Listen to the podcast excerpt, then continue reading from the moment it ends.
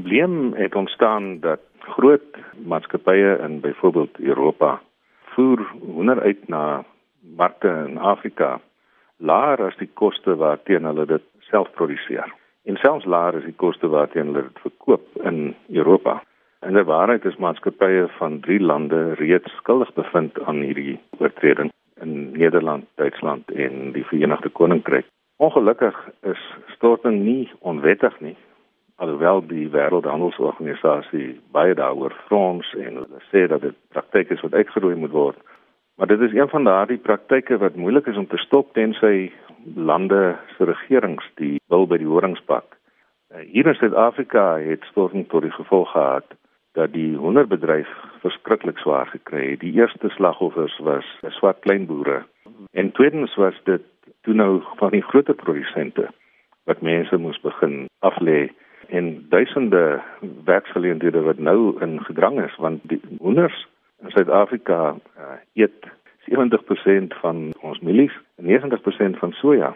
So hulle is die grootste gebruikers van die groot graanboere in die land en daar is 'n waardeketting wat in die proses vernietig kan word. Hoe vars en gesond is hierdie hoender wat ingevoer word? Daar's praktyke wat ons van hoor wat ons rillings gee want dit is mense wat sê dat hoender word in groot blokke bevries in Europa. Die, breingedeeltes van die hoender is nou die die dye in die in die beentjie en dan word dit nou in groot blokke hiernatoe vervoer.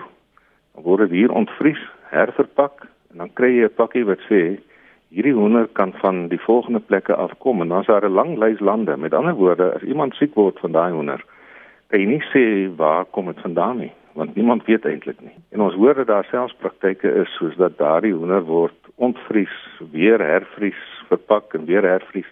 So dit is 'n gesondheidsorg kwessie. Dit is 'n handelskwessie, dit is 'n werkloosheidskwessie. En ons hoop dat die regering wat die taak mag saamgestel het en die taak mag sluit die bedryf in die vakbonde in.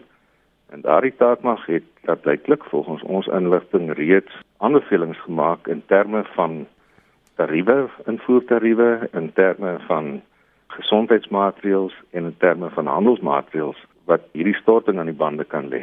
Fairplay is nie teen invoering nie. Ons is ten gunste van kompetisie in die mark, maar dit moet dieselfde reëls vir almal wees.